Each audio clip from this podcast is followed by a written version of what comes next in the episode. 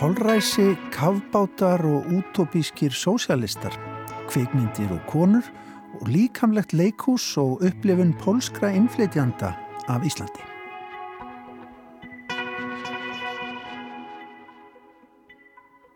Í síðustu viku var fjallað hér í vísjá um holræsi og áhrif farsóta á borgir og í þætti dagsins verður haldið áfram þaðan sem frá var horfið. Nú verður leitið aftur til þess tíma þegar Barcelona-borg sprengti utan á sér miðalda múrana og varð nútímaleg borg með byrtu og andvara fyrir alla. Fyrsti kafbáturinn, útópískir sósialistar og draumar um betri heim koma líka við sögum en það er Halla Harðardóttir sem heldur áfram að krafsa í söguna þegar að öllu þessu kemur. Guðrún Elsa Bragadóttir heldur áfram að ræða stöðu íslenskra kvenna í kvikmyndaðiðnaðinum í peisli sínum í dag en Guðrún Elsa gaf nýlega út kapla um þetta efni í bók um konur og kvikmyndir á alþjóða vísu sem að Palgreif Macmillan útgáfan sendi frá sér. Guðrún Elsa rínir í tölur í þætti dagsins. En við byrjum á líkamlegu leikúsi og pólskum innflytjandum.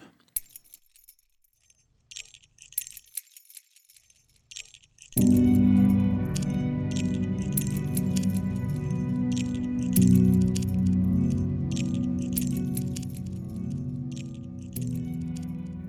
heyrum við tónlist önnu Haldórsdóttur sem að er hluti af síningunni Polishing Iceland sem að leiklistarhópurinn Reykjavík Ensemble frumsýnir að nýju annað kvöld í Tjarnarbíói. Í mars síðastlegin náði staðins ein síningaverkinu að allt fór í veiru lás. Það eru Pálína Jónsdóttir og Eva Marsinek sem að stopnuðu Reykjavík Ensemble með það markmiði að gefa leikuslistafólki sem er að Erlendu Bergi brotið rött í íslensku leiklistalífi.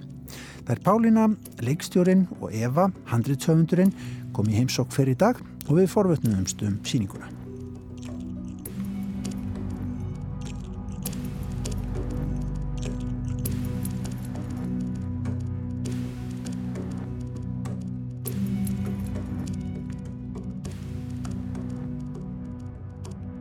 síninguna. Eva, segðu mér hvað fær þig til að fara að skrifa leikús um raunveruleika pólverja á Íslandi? Uh, svo ég kom til Íslands uh, 2013 og það var bara stór experience Já. fyrir mig. Fyrir eftir að bæði ennsku og íslensku. Allt, að Mjög falleg en smá erfitt uh, mál.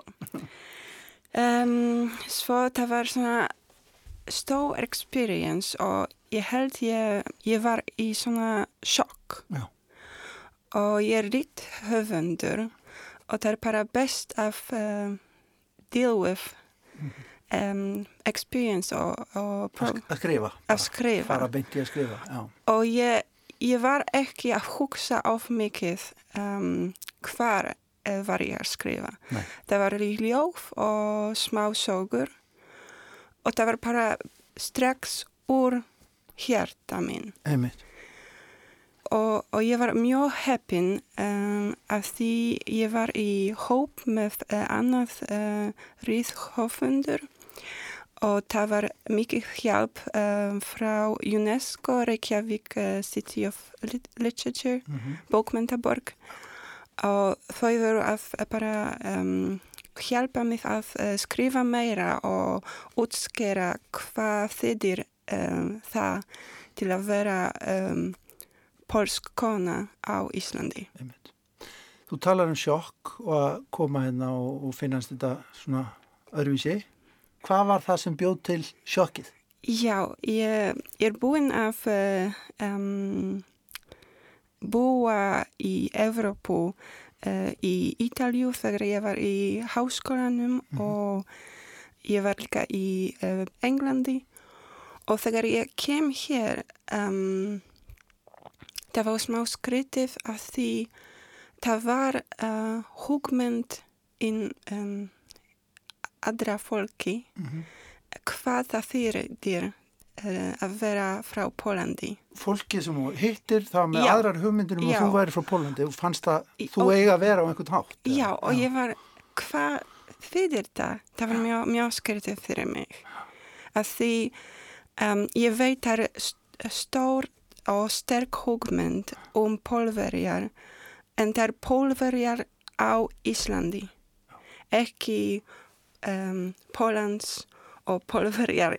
Uh, Almennt? Já. já, já. Uh, og ég held það er hugmynd uh, um breytholti og fólk sem er að finna í fiski ja, og bygginga innan já, ja. og kannski það er um, gammal uh, maður með skegg og hann er að halda bónuspoka og hann er ekki um, að hugsa of mikið um list uh, eða menning. Uh, hann er hérna para til að uh, vinna og senda penningar heima til Pólans. Þetta höldum við um Íslendinga? Nei, um Pólverja segja. Já, og það, það, ég, ég var að skrifa um, um þetta en ég held það er ekki svo dramatisk. Það er bara komik. Já, bara svona dagleg, daglegur Já, það er bara, já, bara, bara jobb á hverjum deg að hlusta hver er ég. Já,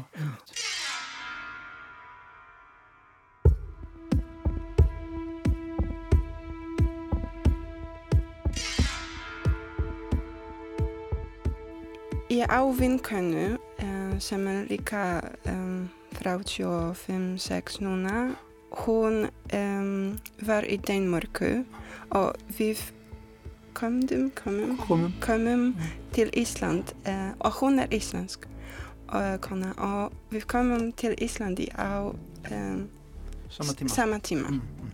og það var mjög uh, skemmtileg af því hún var ný á Íslandi Líka. Líka. Og er saman með uh, Pálínu mm -hmm. að því hún var að vinna í um, Bandaríkum og þegar ég mæti Pálínu stundum hún vissi ekki svo mikið um uh, hver svona í bænum Nei. Hún var líka laga gamlu borgina. Það var bara æðislega að því ég er polskona á Íslandi og ég var, já við mægum að fara að fatna Wow, ok. Þú ert að kenna henni á það. Sko Pálína, ef ég spyr þig, hvað er það sem að dregur þig að þessari sögu að búa til þennan veruleika og setja hann á svið, það er að segja svona upplifun nýra pólverja og pólsk-íslenskra pólsk borgara?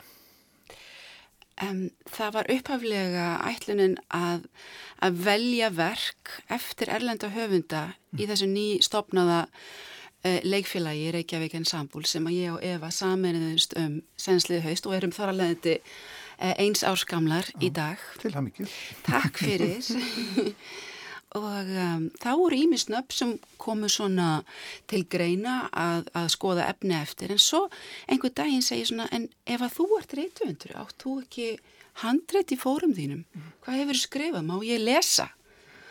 og hún er svo hóvar að eðlisfari að hérna, henni dætti ekkert sjálfur í hug að, að koma fram með þá tillögu að ég skildi skoða efni eftir sig til þess að aðlaga fyrir svið. Mm -hmm. Þannig en hérna hún let undan og sendi mér eh, handritið eftir sig og eftir að ég las það í gegna þá fannst mér það bara vera mjög lýsandi kannski fyrir þessa pólsku reynslu að koma úr einum heimi þessum pólska heimi Evrópunnar og yfir hérna íslenska heim og hún kom inn á mjög marga þætti sem ég held að séu samanleir og eiga erindi við áhorfundur hér á Íslandi og ekki síst e, Íslandinga að þeir skilji hvaða er að koma til þeirra heima lands og, og kannski þeirra kannski fyrirfram hugmyndir um erlenda íbúa sem hinga að koma og setja stað mm -hmm. kannski eiga e, stangast á við raunveruleikan og eru kannski svolítið svona klísju kjöntar líka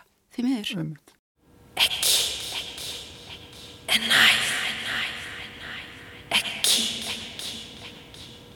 maður tók eftir því til dæmis í tengslu með bara nýjastannar fórstöldakostningar í, í Pólandi og þá var mikil umræða um Póland og, og maður þekkir ekkert Póland. Við, við hérna, þetta er svo stort land og, og svona einhvern veginn djúft inn í hjarta Evrópu og ef maður fer ekki á einhver beint þá, þá fylgist maður voðalega lítið með því híðan frá en auðvitað kannski það sama um Ísland þó hann væri en maður skilur það eða valla meðan við hvað þetta er stort og mikið ríki sko. Mm -hmm.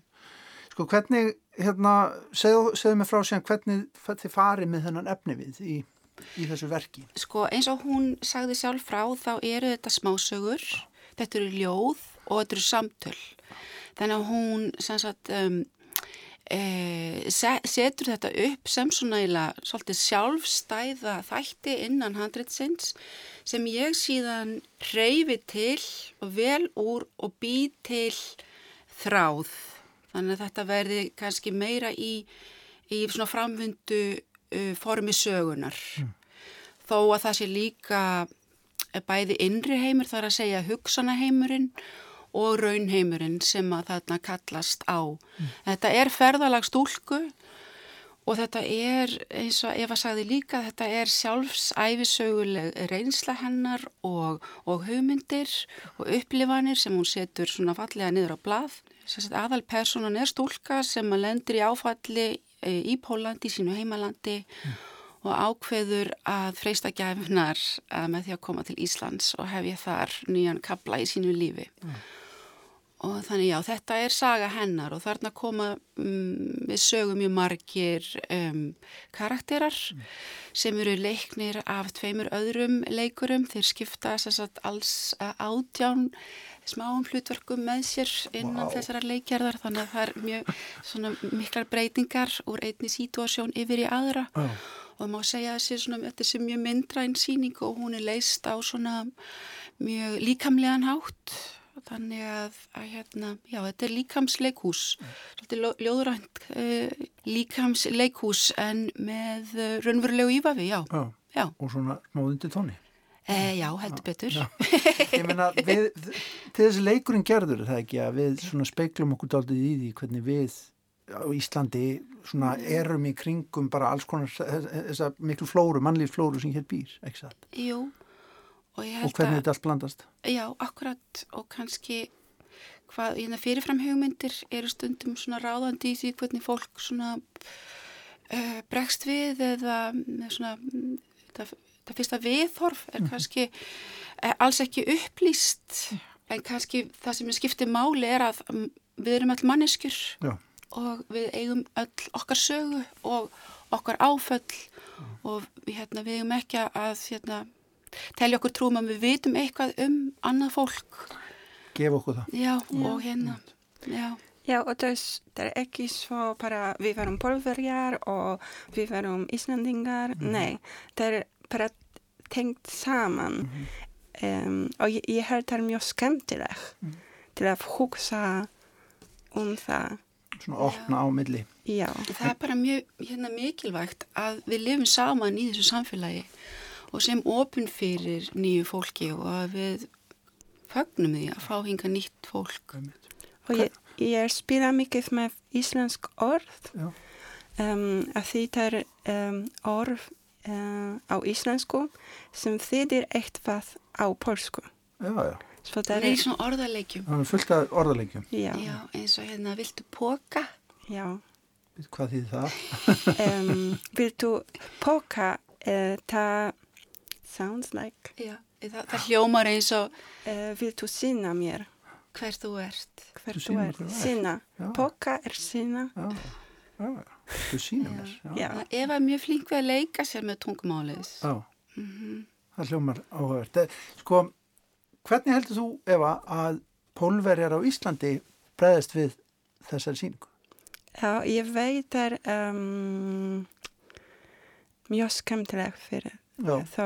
Já. og ég veit að því við fórum með svona um, frumsýningar í mars mm -hmm um, síðan COVID. Uh, Einmitt, svo klikkaði það allt saman. Já, og þau verum uh, mörg pólverir sem uh, komir. Mhm. Og, og ég veit, og ég var að hlusta, þau eru bara hlæja, hlæja ah. of mikið, svo mikið. og ég held það bara, já, að því í, í þessum síningu það er polsk, ensk og uh, íslensk bland saman. Já, Svo ég held porverjar uh, um, skilu allt. þeir, þeir eru bestu stöðinu til að skilja. Já, gott. En svo er líka sko annað tungumál sem við notum mjög mikið í okkar um, leiklist sem er tungumál leik, líkamanns Einmitt. sem er ekki síður ekspressíft. Já, og Það það, ættu nú allir að geta lesið í. Já, ég held það sko. það er líka falleg tónlist. Já. Eftir önnu Halldórsdóttur. Já. Þannig að þetta ætti að vera opinn og góð síning hjá ykkur, ekki satt. Eh, við viljum trúa því Já, og gaggrínendur hafa sagt þið sama. einmitt, einmitt. En gaman að heyra að þetta sé farið aftur í gang hjá okkur og takk hella fyrir komuna í Vísjá, Pálin og Eva. Takk fyrir. fyrir.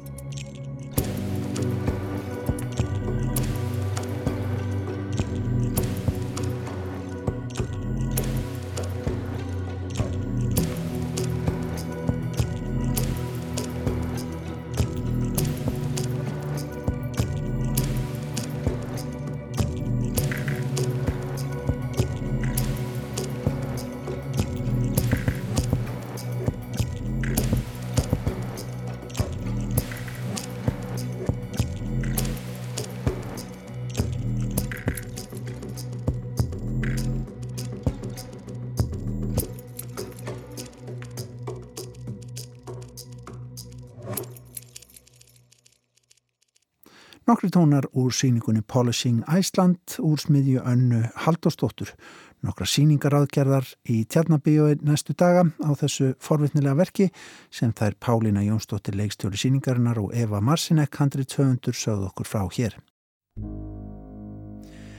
En hér er pólski jazzpianistinn Marcin Vasiljevski byrjaður að leika á samt tríói sínu lag Bjarkar Guðmundsdóttur Hyperballad.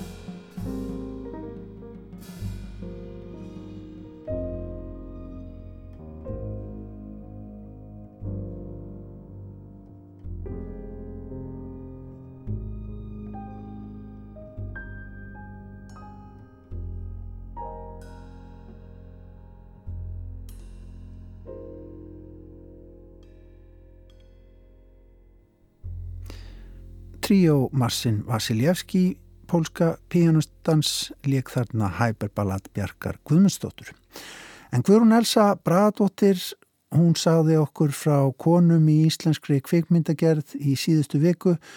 Hún hefur tekið saman heilmikið efni um þau mál og heldur áfram í dag fyrir að rína í tölur.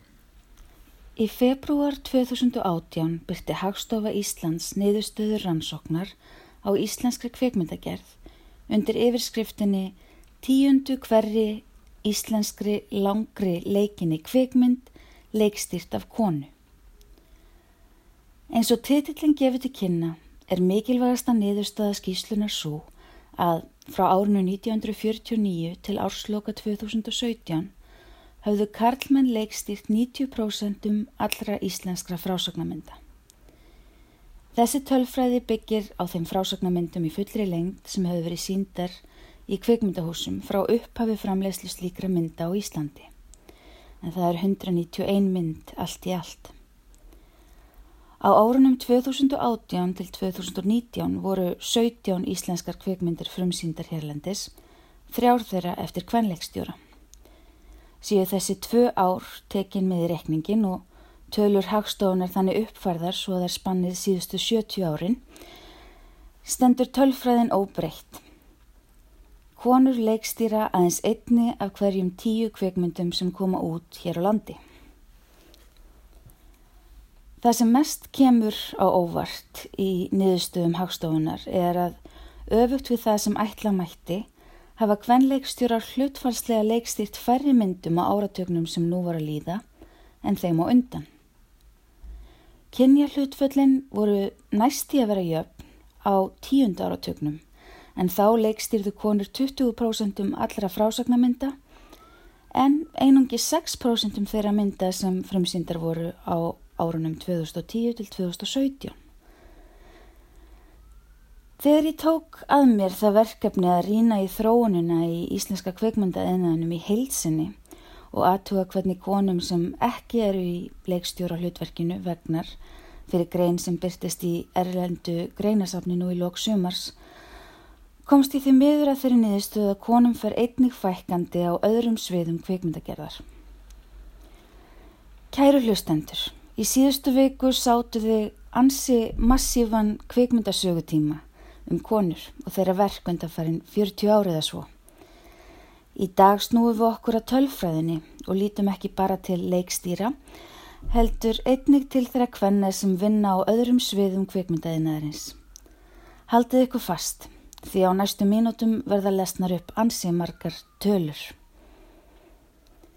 Af þeim 28 myndum sem útkomu á nýjundaratöknum var 5 leikstýrt af konu og nýju aðstóðaleikstýrt af konu.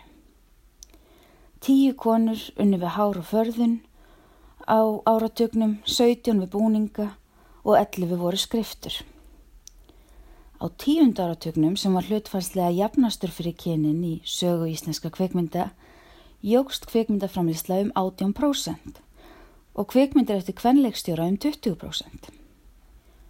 Fjöldi mynda sem konur aðstóðarleikstýrðu jógst um tæplega 90% og sjáum á 40% aukningu á myndum með hvern handreitsöfunda sem skrifiðu sjö af þeim 33 myndum sem frumsýndar voru á áratögnum. Kvennkins skriftum hafi fjölgaður 11 í 17 og fjöldi kvenna sem störfuðu við förðun og hár þrefaldaðist. Á fyrsta áratug þessrar aldar jógst kvikmyndaframlisla um 70% og kvikmyndir eftir kvenleikstjóra um 50%. En þær leikstýrðu eða meðleikstýrðu alls nýju af þeim 56 frásagnamyndum í fullri lengt sem kom út áratögnum. Myndum aðstóðarleikstýrt af konum helt áfram að fjölga, nú um 47%. Fjöldi kvenn skrifta þrefaldaðist og myndir sem kliftar voru af konum fóru frá því að vera 6 á tíundaratögnum upp í 17. Mesta fjölgun mátti sjá í röðum framleiðanda úr þremur í tuttugu á fyrsta áratug nýrar aldar. Af þessum tölum má vera ljóst að áratugina þrjá 1980 til 2009 jógst íslensk kvikmyndaframleysla rætt og öruglega og konum innan yðnaðarins fjölgaði sömu leiðis þótt það hefði kannski verið hægar og ekki alveg í samræmi við vöxt sjálfs yðnaðarins.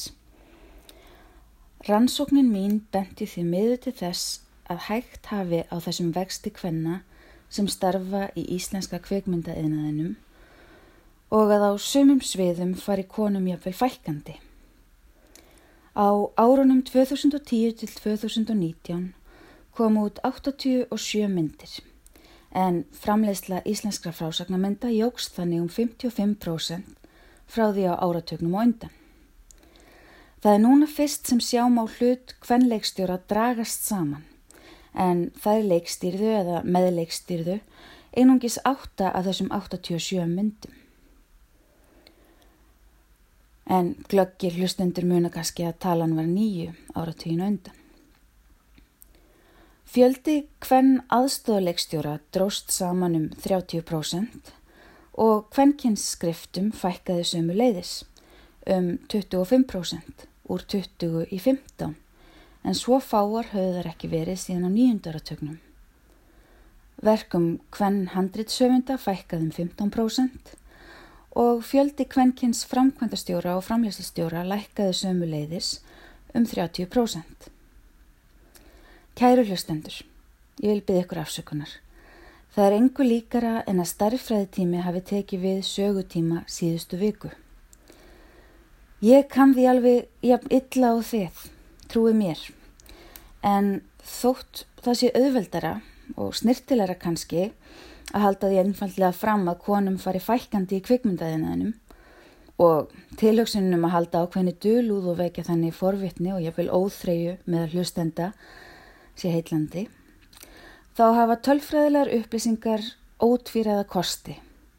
Það er kvorki hægt að mikla það sem ég segi en ég draga úr því. Þetta er ekki huglagt mat. Og það er einmitt leikilatriði. Ef einhver hefði spurt mig áður en ég byrjaði að rannsaka efnið, hefði ég eflust sagt að mín tilfinning var í svo að konum í kveikmyndaðinaðinum gengi bara ágætlega. Það var að gera góða hluti. Það er þó alls ekki svo að konur í íslenskum kveikmyndaðinaði séu ómeðvitaðar um stöðu sína. VIFT, Women in Film and Television á Íslandi, sendi til dæmis frá sér yfirlýsingu í kjölfar ettuvelunina árið 2013 þar sem fjárvera kvenna, jamt fyrir framann og aftan tökuvilarnar, er gaggrínt og bent á að tilnefningar til velunana hafi endur speikla þessa skekju. Vift stóð sömulegis fyrir gjörningi á hátíðinni sjálfri þar sem konur í kvikmyndagerð mættu jakkafattaklætar til að vekja aðtekli á vandamælunu. Í MeToo-byltingunni, svo gulluðu, var líka talað um það hversu karlægur íslenski kvikmyndaeðnaðurinn er, eins og gildi svo sem um kvikmyndaeðnaði vísvegar á plónutunni. En ég mun taka þann þráð upp aftur í næstu viku, þegar ég mun ræða lausnir á þeim vandamálum sem bent hefur verið á að koma í veg fyrir jöfnuð kynja í íslenskri kveikmyndagerð. Stæsti vandin virðist þó vera sá að konur sækja í minna mæli en karlar í kveikmyndagerð. Þannig hefur það kannski verið frá upphafi en líklega ennfrekar síðasta áratugin. Bæði vift og kveikmyndamiðstöð Íslands hafa bent á nöðsum þess að hvetja stúlkur og unga konur til þess að fara út í kveikmyndagerð. Tölfræði sem kveikmyndamiðstöðin byrtir á vefsíðusinni sínir ekki bara að færri konur sæki um styrkjur kveikmyndasjóði, heldur líka að árangurslutfall hvenna sé herra en karla. Í næstu viku mun ég fjalla um aðgerðir sem ráðist hefur verið í til að hvetja konur til að nota kveikmyndamiðlinn til að segja sögur sínar og til að gera kveikmyndaiðnaðin sem slíkan físilegri kost fyrir íslenska konur en ég vil fullvisa hlustendur um það að það er margt afskaplega forvitnilegt að finna. Saði Guðrún Elsa Bradóttir sem heldur áfram að fjalla um konur í íslenskri kveikmyndalist að viku liðni. En á dögunum var tilkynnt um það að bandaríski jazz bassaleikarin Gary Peacock væri allur. Gary Peacock er líklega þekktastu sem bassaleikari Keith Jarrett í jazz-tríói hans, einu þekktasta jazz-tríói veraldar undan farin ár. Við skulum hins vegar fá Peacock til þess að leika fyrir okkur þetta er af plötu sem að hann gaf út í einn nafni með tríói árið 2017 þar sem leika með hann um Joey Baron á trömmur og Mark Copeland á piano. Lægið er hins vegar eftir Miles Davis og er þekkt af fræri plötu Kind of Blue og heitir Blue and Green.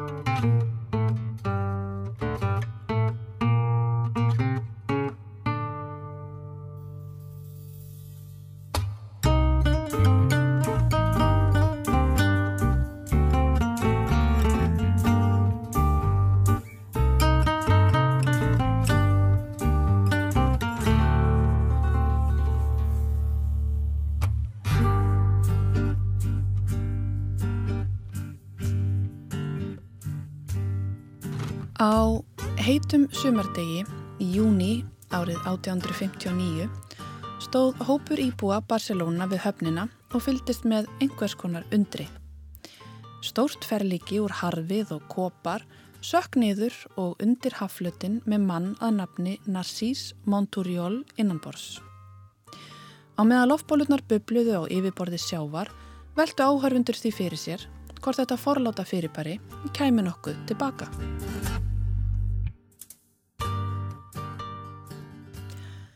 Maðurinn um borð hafði smíðað þennan fyrsta kafbát sögunar með hugviti sínu einaða vopni og hugmyndum um betri heim fyrir verkafólk landsins. Hugmyndum sem borist höfðu til höfuborgar Katalóniu frá Fraklandi. Monturjól þessi var í slagtógi við hóp ungra manna sem hafa í setni tíð verið kendir við útópískan sósialisma en hópurinn gaf út tímaritt þar sem meðal annars var fjallaði með réttindi verkafólks og hvenna til sómasamlegs lífs. Einn besti vinnur æfintýrja mannsins sem þegar hér kemur við sögu er á góðri leið niður á hafsbót var engin annarinn Ildifón Serda en hann átti eftir að, aðeins nokkrum árum eftir að kafbáturinn fór í sína fyrstu sjóferð, að tekna upp nýja Barcelona þar sem að allir íbúar áttu að hafa jafnan rétt á reynu og helsusamlegu húsnæði. Serda þessi er í dag þekktur sem uppafsmaður urbanisma eða skipalagsfræða og hann er hannur Eixambla, hverfisins í Barcelona, sem átti eftir að verða fyrirmynd annara borgarplana víða um álfuna. Það er nefnilega mjög líklegt að fólki sem stóð á hafnarbakkanum þennan heita sumardag og fyldist með fyrsta kábátt sögunar fara í sína fyrstu ferð hafi verið að viðra sig utan gömlu borgarmúrana sem voru bókstaflega að kæfa íbúana.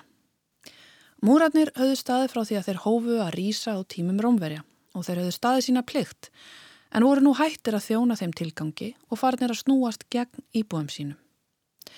Árið 1859 byggu tæplega 200.000 manns innan gamlu múrana á svæði sem taldi ekki nama 2 ferkilometra. Fjórar farsóttir herjuða borgina frá árunum 1834 til 1870 og í hvert sinn dó um 3% íbúana. Nokkur umræða fór að staðum þetta leitu um neikvæð áhrif múrana og helsu fólks og sérstaklega ömulegar aðstæður verkafólks sem allt hvert hafi komið til borgarinnar úr sveitinni í leitað vinnu í einhverja af þeim fjölmörgu versmiðum sem risið höfðu með yðinvæðingunni. Byggingapláss innan múrana var fyrir löngu upp örið svo fólk leitaði skapandi leiða við að stækka þau hýpili sem fyrir voru. Á milli húsa í þraungum götum voru byggðar brýr sem svo aftur var byggt ofan á. Framhlýðar húsa voru dýpkaðar til að hýsa fleira fólk svo að það snertu næstum byggingarnar hinum megin götunar. Aðtæfi sem var bannað með lögum í Barcelona árið 1770 þar sem að þrengslinn lokuð á bæði byrtu og loft. Umferð jóks líka á þessum árum og hestvagnar urðu að vandamáli í borg þar sem að sumargötur voru ekki mikið breyðari en tveir metrar. Þegar borgaryfirvöldum var orðið ljóst að borgin væri fyrir löngu komin að þólmörkum og væri hreinlega að drepa sína eigin íbúa, var tekin ákverðun um að fela það ungum verkfræðingi að skipulegja útvíkun borgarinnar. Áður nefndum Ildifón Serda, hugsiðunum að bakvið Eixambla hverfið, en Eixambla er katalónska og þýðir einfallega stækkun.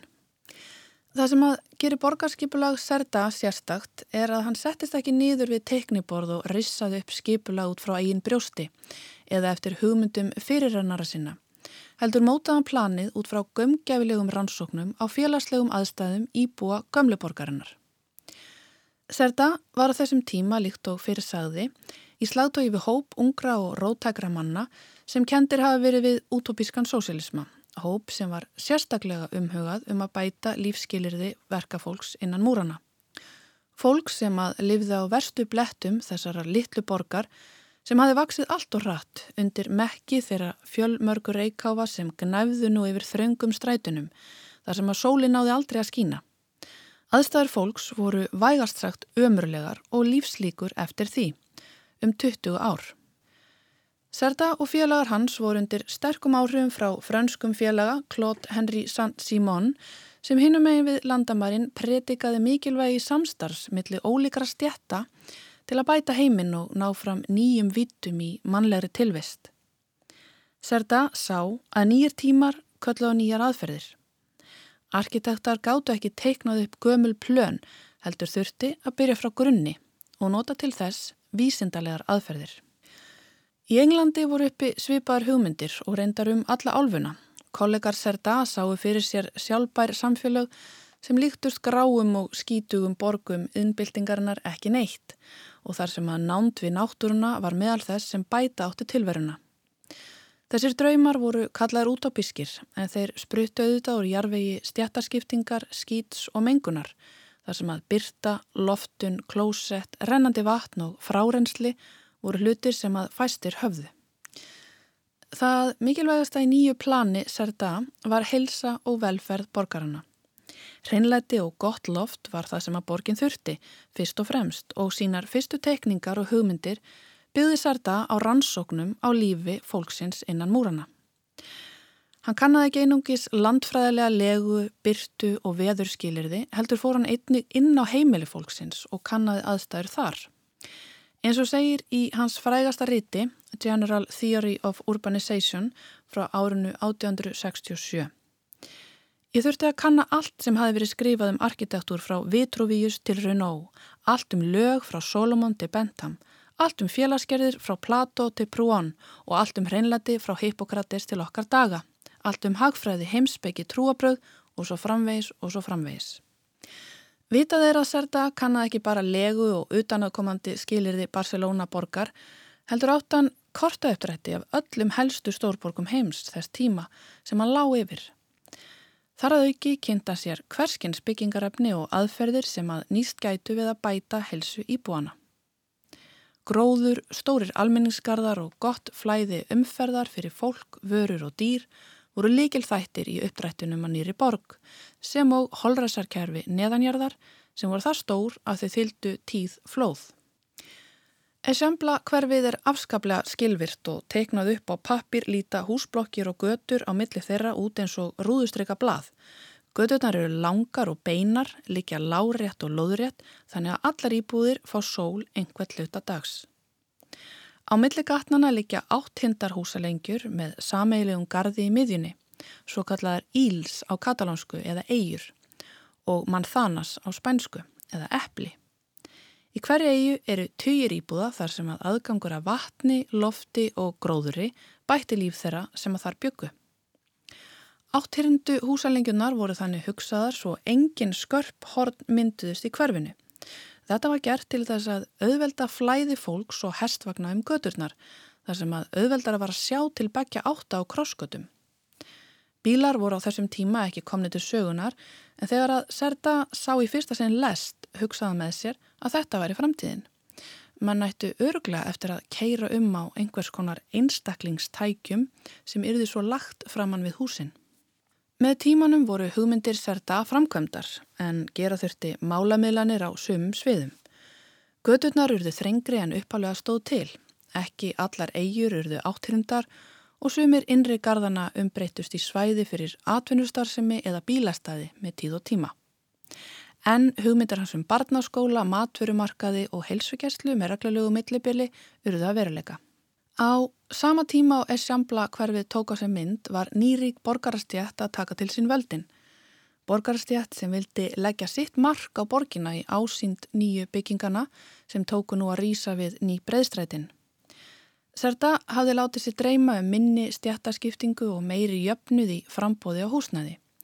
Eyjurnar hans átt að vera lágar til að borgararnir fengju sem mesta sól og sem best loft en loðabrask kom í veg fyrir það og húsin urðu sífælt herri. Serta hjælt samt fast í hugmyndi sínar um húsnaði fyrir alla og var fyrir vikið gaggrindur af kollegum sínum og henni nýju borgarstjætt sem að byggði hverfið upp og var kallaður útópískur kommunisti. Svo sama stjætt hófa ráða til sín arkitekta til að gera framhliðar sinna húsa meira áberandi. Þróun sem að aðdáendur katalónska arkitektsins gáti harma ekki því áður en að hann hófst handa við Sagrada Família teknaðan allt nokkur hús fyrir nýja góðborgara hinnar útvíkuðu og heilsusamlegu Barcelona. Nýja Barcelona var svo sannarlega orðina stórborg með breyðstrætum í anda Parísar en hún var bjart þín nútímaleg borg sem bar með sér drauma um jafnbretti þó svo að það hafi ekki orðið að veruleika á öllum sviðum.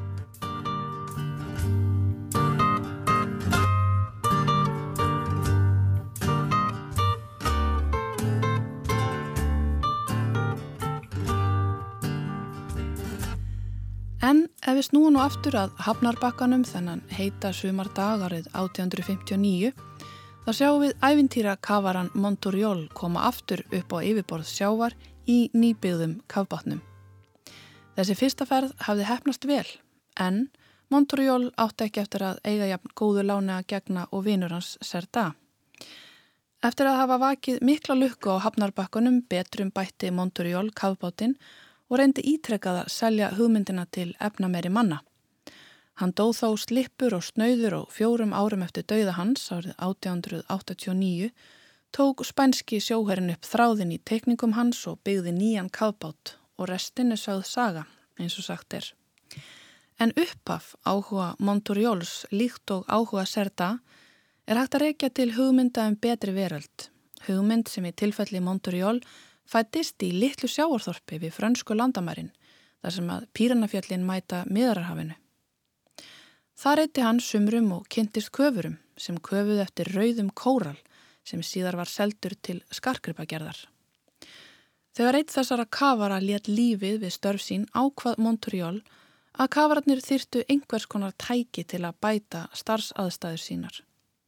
Tæki sem bæta átti líf kavara í litlu spænsku þorpi var þannig að einu helsta morðvapni 20. aldarinnar. Þetta litla spænska þorp kallast Cadaqués og var í upphafi 20. aldarinnar einn helsti partibær lista elitu Katalóniu og Parísar síðar og við skulum fjalla betur um það í næstu viku.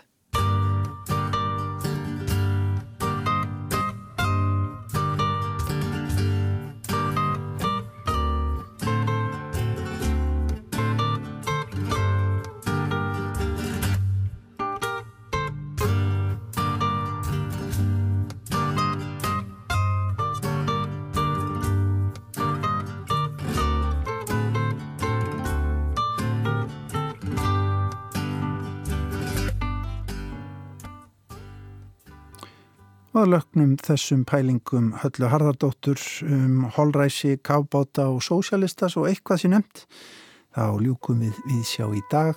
Takk kærlega fyrir samfélgina verið sæl